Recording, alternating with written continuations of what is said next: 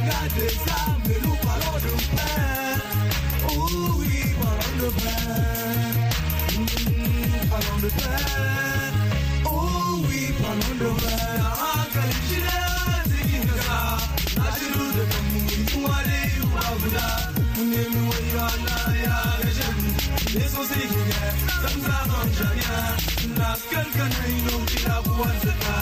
Girma jaji da zan ya fole babu nemi wani Allah ya gashe mu. Ne so sai ki ga, zan zaɓan shari'a. Hankali. kwanciyar hankali shi ne arzikin ƙasa. Domin da kayar mutum ya fo. Babu su hausa. Kullu. Bare-bare duka jarama kwanciyar hankali. An gwamnatin taliban guda biyu da ake zargin su da alaka da take haƙƙi da kuma cin zarafin mata a yau da ake bukin ranar mata a duniya.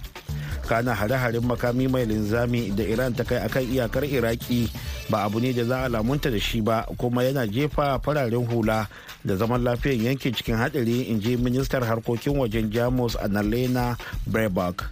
To madalla a cikin shirin namu na yanzu za ku ji cewa 'yan bindiga sun hallaka mutane kimanin hamsin a wasu sassan karamar hukumar kwande da ke jihar benue a lokacin babban zaɓen najeriya. Al'ummar fulani da ke zama a yankin sun bayyana mamakin aukuwar lamarin.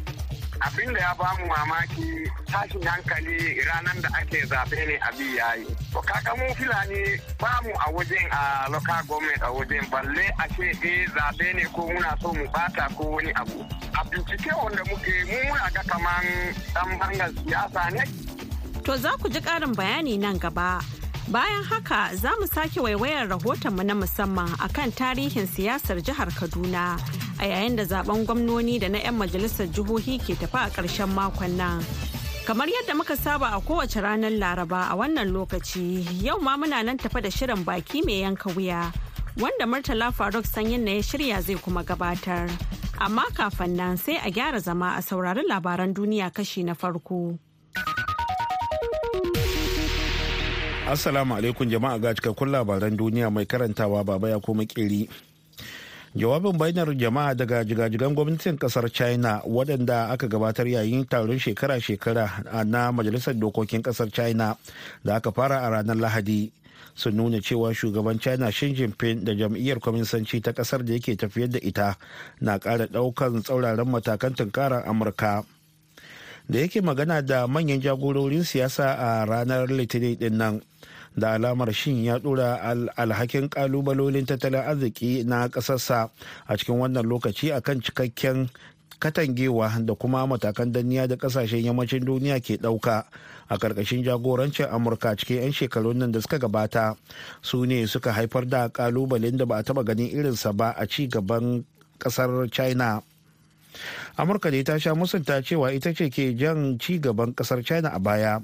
Tana mai cewa tana ƙoƙarin ɗaukan matakai ne na tabbatar da tsari da zai hana gasar da za ta kai ga rikici tsakanin manyan ƙasashen biyu mafi ƙarfin tattalin arziki a duniya. Yau take ranar mata a duniya kuma an gano mata miliyan 259 kaɗai ne suke samun damar amfani da yanar gizo ba kamar takwarorinsu maza ba.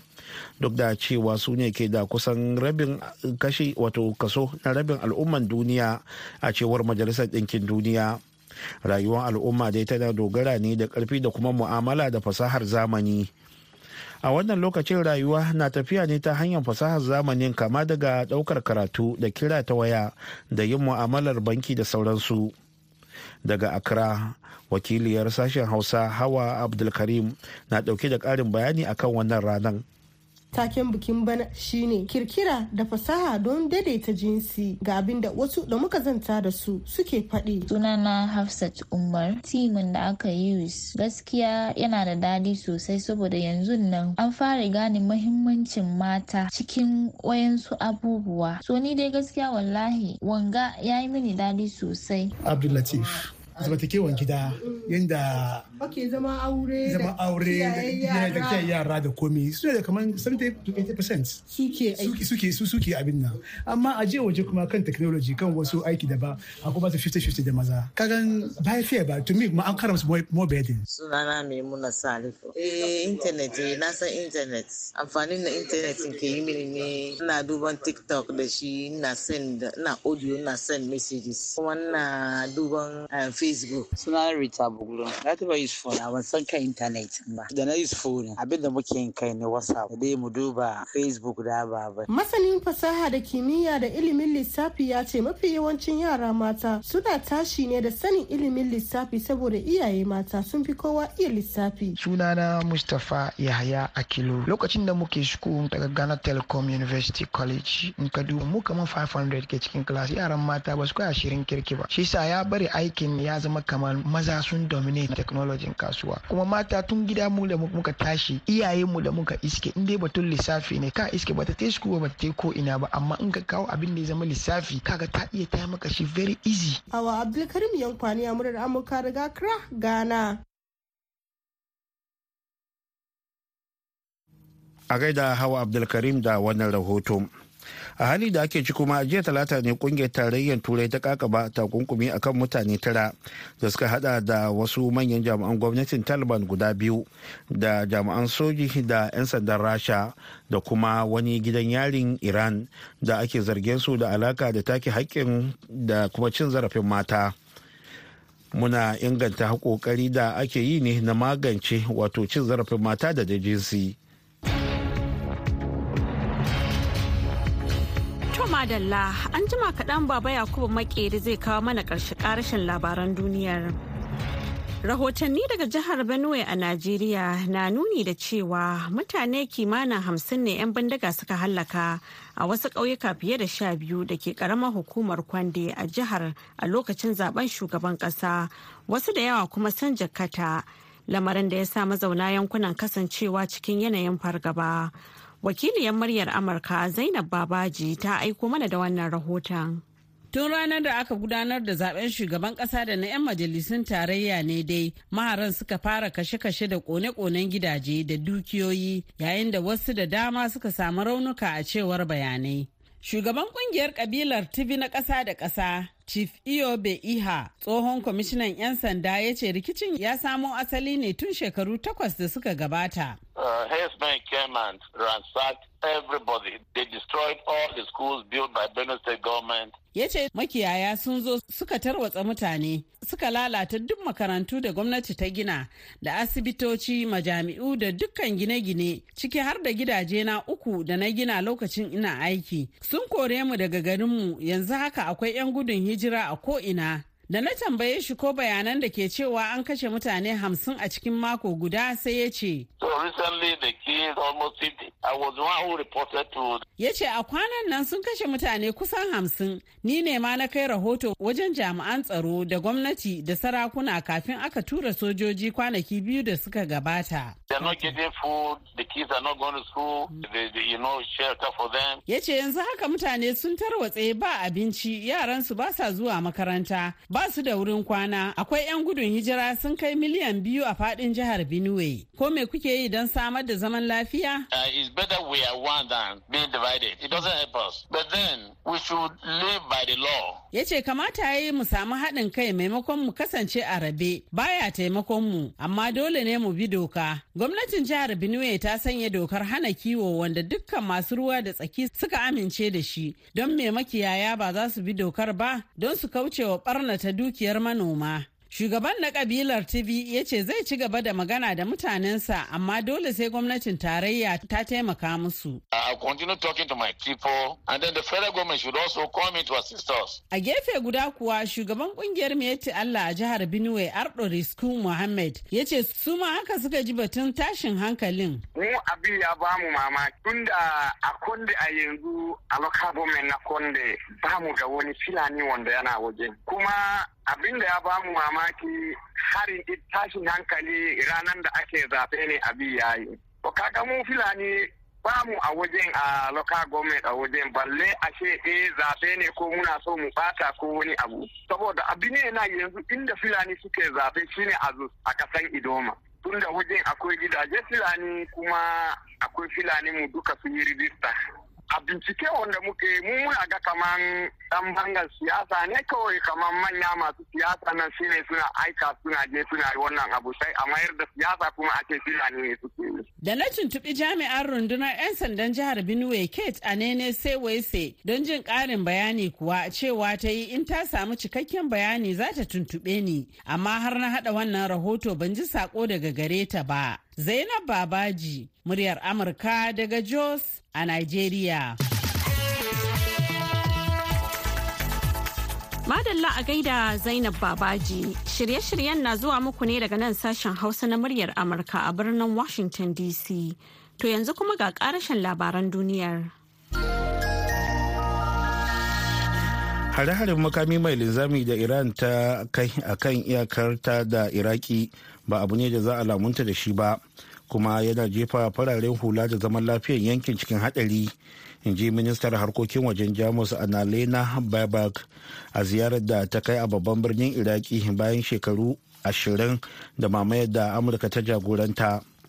Ministar ta faɗa a jiya talata cewa tare da hare-haren makami mai linzamin gwamnatin iran ba kawai tana nuna halin ko kula ne da kuma murkushe al'ummanta kadai ba tana kuma jefa rayuwar bil'adama da zaman lafiyan yankin baki ɗaya cikin hadari domin ta ci gaba da iko a yankin. Ba za a yarda da wannan abu ba kuma baki ɗayan yankin na cikin hadari tana faɗa wani taron manema labarai tare da takwaranta na ƙasar iraki. A bara tehran ta harba makamai masu linzami a kan sansanonin ƙungiyoyin kurdawa da ke arewacin irakin da ake zargin su da hannu a zanga-zangar nuna adawa da mataki da gwamnati ta ɗauka akan mata lamarin da ya raba ɗaruruwan kurdawan iran da matsugunansu tare da kashe akalla mutum guda tare da kuma jikata akalla wasu takwas.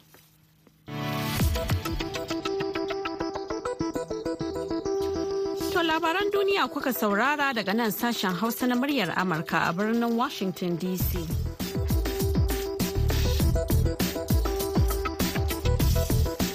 yanzu kuma za mu sake komawa ɓangaren rahotanninmu. Yayin da a najeriya ake shirye-shiryen zaɓen gwamnoni da na 'yan majalisar jihohi ranar asabar mai zuwa zaɓen jihar kaduna a bana ya zo da sabon salo ganin cewa akwai wasu jam'iyyu da suka taso da za a fafata da su a zaɓen. Haka kuma dagewa kan amfani da na'ura wajen tattara sakamakon zaɓe na cikin batutuwan da ke ɗaukar hankali a jihar ta kaduna. Ga rahoton da isa lawal ikara ya aiko mana.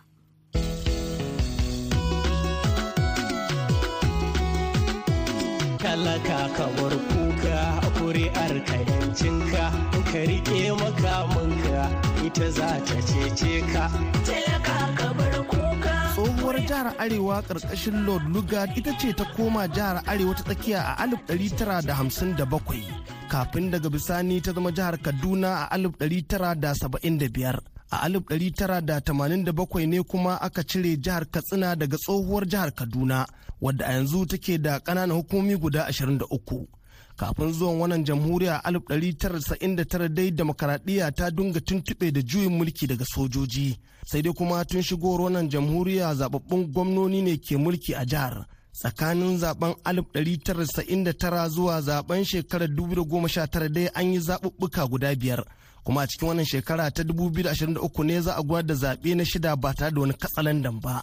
Sabanin wasu jihohin Najeriya da gwamnoni uku ne suka yi mulki cikin waɗannan shekaru saboda kowanne wa'adi biyoyi wato shekaru hurhudu sau biyu. A jihar Kaduna gwamnoni biyar aka yi cikin wannan jamhuriya sakamakon baiwa gwamnan da aka zaba a shekarar 2007 mukamin mataimakin shugaban ƙasa wanda ya sa mataimakin shi ya zama gwamna a wancan lokaci. Haka nan mutuwar tsohon gwamna patrick kowa a wancan lokaci ta baiwa mataimakin shi dama shi ma aka rantsar da shi a matsayin gwamna wanda wannan ne ya sa adadin gwamnonin da suka yi mulki a jihar kaduna ya haura na wasu jihohi. Zaben shekarar 2023 a jihar kaduna dai ya zo da sabon salo musamman ganin yadda manyan jam'iyyun siyasa suka zaɓo 'yan takararsu a jihar kaduna. In ji mai fashin baki akan siyasar Najeriya barista Elzubar Abubakar. Yadda kabilanci ya rinjayi ra'ayin mutane a tsarin tafiyar da siyasa abin ya dan bambanta yanzu a jam'iyyar apc an tsaye da malam ubasani wanda kuma karamar hukuma ɗaya yake da malam nasir yan rufayi. To kaga ba abin da ya canja daga inda gwamna da mataimakiyar gwamna suka fito. In ka ɗauki ɗan takarar jam'iyyar nnpp da ɗan takarar jam'iyyar pdp dukansu biyu daga karamar hukumar kudan suke. Ba wanda ya fito daga wata hukuma daban yake korafin cewar me yasa ba a ba mu dama mu tsaya zaɓe daga karamar hukumar mu ba. Dagewa kan amfani da na'ura wajen tattara sakamakon zaɓen bana da hukumar zaɓe ta yi dai na cikin batutuwan da ke ɗaukar hankalin al'ummar jihar kaduna a zaɓen da ke tafe. Kamar da yadda barista Muhammad Ibrahim Zariya ya nunar. Gaskiya yanzu tsarin zaɓen ya canza. Domin don ka ce ka fasa akwati ko ka yi a ringizo ko ka yi kaza ka yi aikin banza. Yanzu ƙuri'a ne za ta yi aiki dalla-dalla. In dai ƙuri'a ta riga ta shiga an tantance mutum ta shiga magana ya ƙare. So saboda ko ka turo su 'yan banga su fasa akwati ba abin da zai canza akan ƙuri'un da za a yi yanzu. Ko amfani da kuɗi ma tana da iyakanta a wannan tsarin zaɓen da za a yi. Duk da matsalolin tsaro da kuma zuwan sabon salo na na'ura wajen tattara sakamakon zaɓe a bana. Al'ummar jihar kaduna sun ce suna sa ran zaɓen zai gudana ba tare da tangarɗa ba. Sunana isa yan sani. Insha Allah za a yi lafiya. Matasa da Allah mu ba da haɗin kai. Sunana shu'aibu haruna. Da dai an yi ayin abubuwa na barandin siyasa amma yanzu kai mutane ya riga ya waye. Sunana sadiya sulema wayannan na'urori na ba taɓa yi da su muna fatan a yi lafiya a tashi lafiya. Sunana muhammad awal isa. Gaskiya a zatona in Allah ya tabbatar mana da yadda aka ɗauko tsarin abu abin zai yi kyau. A zaɓuɓɓukan baya dai mafi akasari jam'iyyu biyu ne masu ƙarfi sukan fafata sai dai fa a wannan karan kuma zaɓen ya sha bamban. Kaga a jihar Kaduna ana maganan jam'iyyar APC, ana maganan jam'iyyar NNPP, ana maganan jam'iyyar PRP, ana jam'iyyar PDP, ana kuma jam'iyyar Labour. Waɗanda a tsarin zaɓen da za ka ga jam'iyyu biyu ne kawai kuma daga waɗannan biyun ɗayansu ne za ta yi tasiri saɓanin yanzu da mutane ba su da tabbacin me zai faru saboda wannan doka da aka sa ma hannu ta tsaftace tsarin zaɓe ta yadda magudi zai yi wuya. To ko me al'ummar jihar Kaduna ke sa ran ganin wanda ya lashe zaɓe a matsayin gwamnan jihar Kaduna ya mai da hankali? Sunana Hamza mai kase tashar yan yaji ina so a tabbatar da tsaro da kuma inganta lafiya da makarantu. Wanda zai zama gwamnan jihar kaduna. Muna neman tsaro dai. Umma dan jimmai abincin nan ya sako mana da shi. Da kashe-kashen nan. A tahi abubakar matsalar tsaro mutanen ƙauye a musu tsaro su zara sai noma. Wannan ne dai karan farko da za a yi amfani da na'ura a nigeria wajen tattara sakamakon zaɓen da za a dinga aikiwa kai tsaye. Kuma jihar kaduna na cikin jihohin da gwamna mai ci ke karkare wa'adin shi na shekaru takwas a cikin wannan shekarar da za a yi zaɓe. Isa lawal ikara murar amurka daga kaduna a najeriya.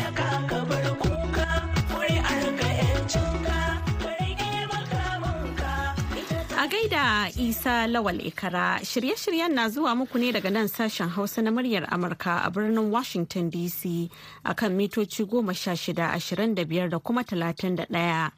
To yanzu kuma ga shirinmu na gaba. Baki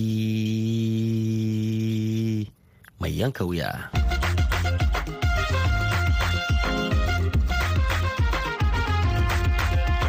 Shin menene martanin manyan jam'iyyun hamayya na Najeriya dangane da sakamakon zaɓen shugaban ƙasar?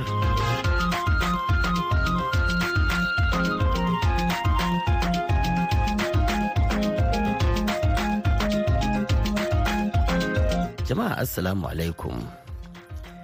Bayan bayyana Bola Ahmed Tinubu na jam'iyyar APC mai mulki da hukumar zaɓen Najeriya ta yi a zaman wanda ya lashe zaɓen shugaban ƙasar. Wasu manyan jam'iyyun adawa sun fito karara suka bayyana rashin amincewa da shi, kamar da yadda aka al'adanta a bayan kowane zaɓe. To sai dai yayin da jam'iyyun PDP da ta zo ta biyu a zaɓen da Labour Party da ta zo ta uku.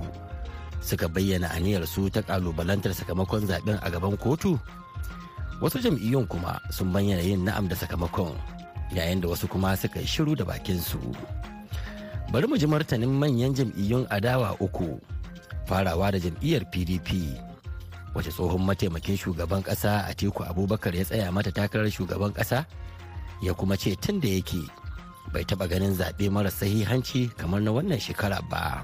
Magasudin dai shine faɗakar da 'yan najeriya zaɓen da aka yi da kuma kurakurin da aka yi ta samu ko ta ina da kuma koke-koke da aka yi ta yi don rashin bin dokoki da ƙa'ida da hukumar zaɓe ta yi. Shine nake so in ja hankulan jama'a a najeriya akan lalle-lalle ya zamanto wajibi mu ja hankalin hukumar zaɓe domin ta gyara ayyukanta. Bayan wannan jan hankali wani mataki kake ganin za ka ɗauka? A ai ba ni kare zan ɗauki mataki ba. Duka 'yan najeriya ne za su ɗauki mataki domin kurakurin da aka samu ya shafi duk 'yan najeriya kudu da arewa gabas da yamma. A ganin ka waɗannan kurakuran sun shafi sahihancin zaɓen da kuma nagartarsa? Kwarai da gaske. Ai hukumomi da suka zo na bin zaɓe daga ƙasashen waje kusan dukansu sun amince ko kuma sun yarda cewa ba a yi zaɓen nan bisa ƙa'ida bisa dokoki da ƙasa ta shimfiɗa wa hukumar zaɓe ba. Wani mataki za ku ɗauka? Za ku je kotu ne ko kuma dai za ku yi wani abu daban wanda doka ta tanada? Abinda doka ya bayyana shine idan har ba mu amince da abin da hukumar zaɓe ta yi ba mu je kotu. Yaushe za ku tafi kotu? Kullum ɗauki lokaci saboda a to ai akwai lokaci kuma sai mun bi lokacin kuma sai mun tambayi shawarwarin lauyoyinmu su za su ba mu shawara ga ga shawaran da ko a je kotu ga kuma dalilin da yasa za a je kotu. Ka daɗe kana zuwa kotu wani ƙarfin gwiwa kake da shi wannan karan ka je za ka samu nasara? To wani lokaci na samu nasara wani lokaci ban samu nasara ba. Dama haka kotu yake ai ba kullum za ka samu nasara ba. Idan ka samu akasin haka a kotun me za ka yi kenan? Me zan yi kuwa? Amma da farko ka ce ba za ka je kotu ba. Yanzu me ya tunzura ka? Yaushe madina yaushe na ce miki ba zan je kotu ba? Ni ban faɗa ba. ka yi maganar kurakurai da kuka ga da yawa ba su yi ba. Ko za ka ba da misali don saboda an batun a bivas a da wasu abubuwa. Menene? Kaga bivas din ba ta yi aiki kamar yadda aka ce ya kamata ta yi ba. Sava da aka ce ta yi aiki ba ta yi ba. Kasan haka suka yi mana 2019 gaba ɗaya suka ɗauke sava din. Suka je suka rubuta abin da suke so su rubuta. To bana kuma akwai alama haka suke so su. Shi dan takarar da aka ce ya ci zaɓe aka a hukumar zaɓe ta bashi certificate ya ce ya ga kwamiti domin a zo a kira ku yi aiki tare. Shin kana shi da kai aiki da shi bola tinubu idan aka zo wajen ka ya to ba zo wurina ba tukun. Idan sun zo za ka karɓe su? A zan ba da dalilai. Da kuma kila hujjoji ko?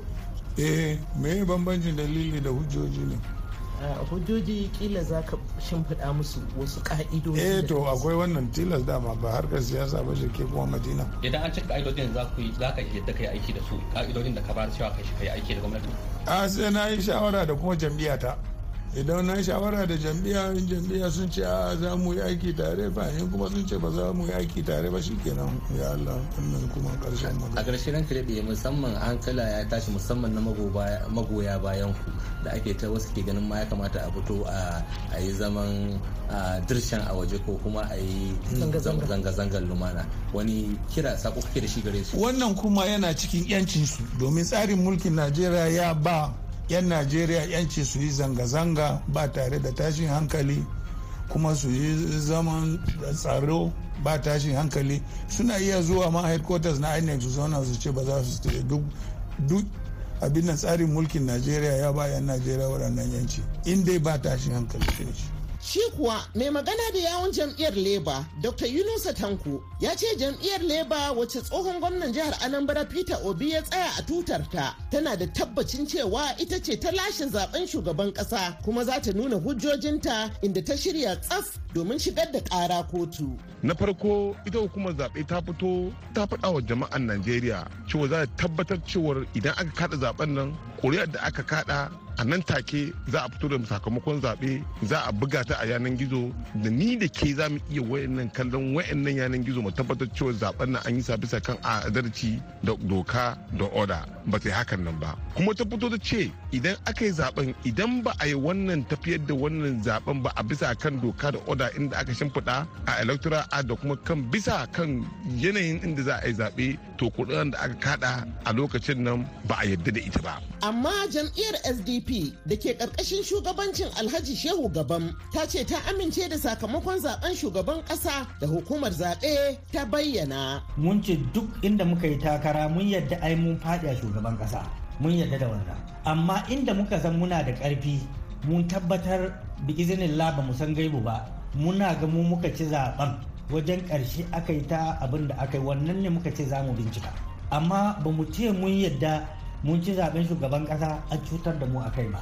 Wannan ma wanda yake da matsala a zaɓen sanato da hazaura shi ma yana iya zuwa kotu. Saboda a gyara zaɓen da zai zo na sha ɗaya ga wata na gwamnoni da 'yan majalisa. In ba a yi ƙoƙari an gyara yanzu ba wanda za a yi zai fi muni akan wanda aka yi yanzu. A lokacin da yake nashi nazarin akan sharuɗin shigar da ƙara akan sakamakon zaɓen masanin shari'a kuma ƙwararre a fannin kundin tsarin mulkin ƙasa barista mai nasarar umar ya ce akwai abin dubawa a dokar zaɓe. duk wani wanda yake yana da adawa ko kuma neman wani gyara ko canji akan wannan abu da aka furta to zaɓin shi ɗaya ne ya je kotu yana da dama a hurumi na sashe na shida da talatin da shida da sashe na ɗari biyu da talatin zuwa na ɗari uku da huɗu na tsarin mulkin najeriya ya kalubanci abin tun daga mataki na farko har zuwa kotun allah ya isa.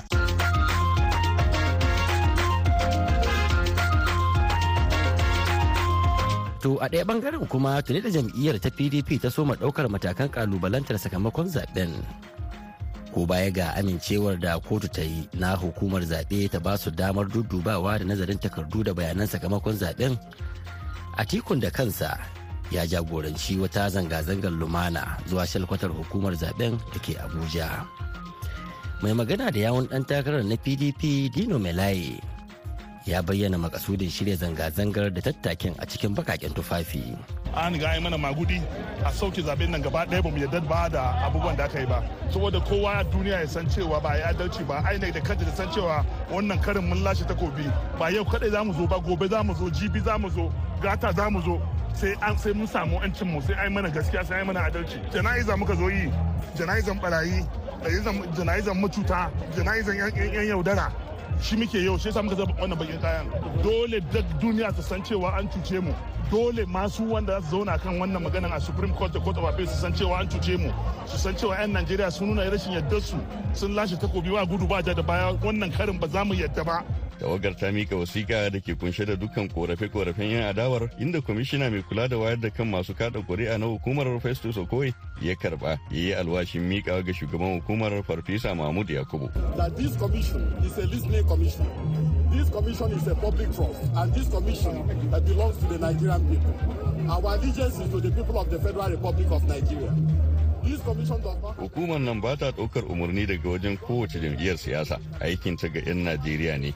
Za mu ɗau mataki kan sashen wasikar da ya shafi shari'a, kuma za mu duba dukkan abin da aka rubuta.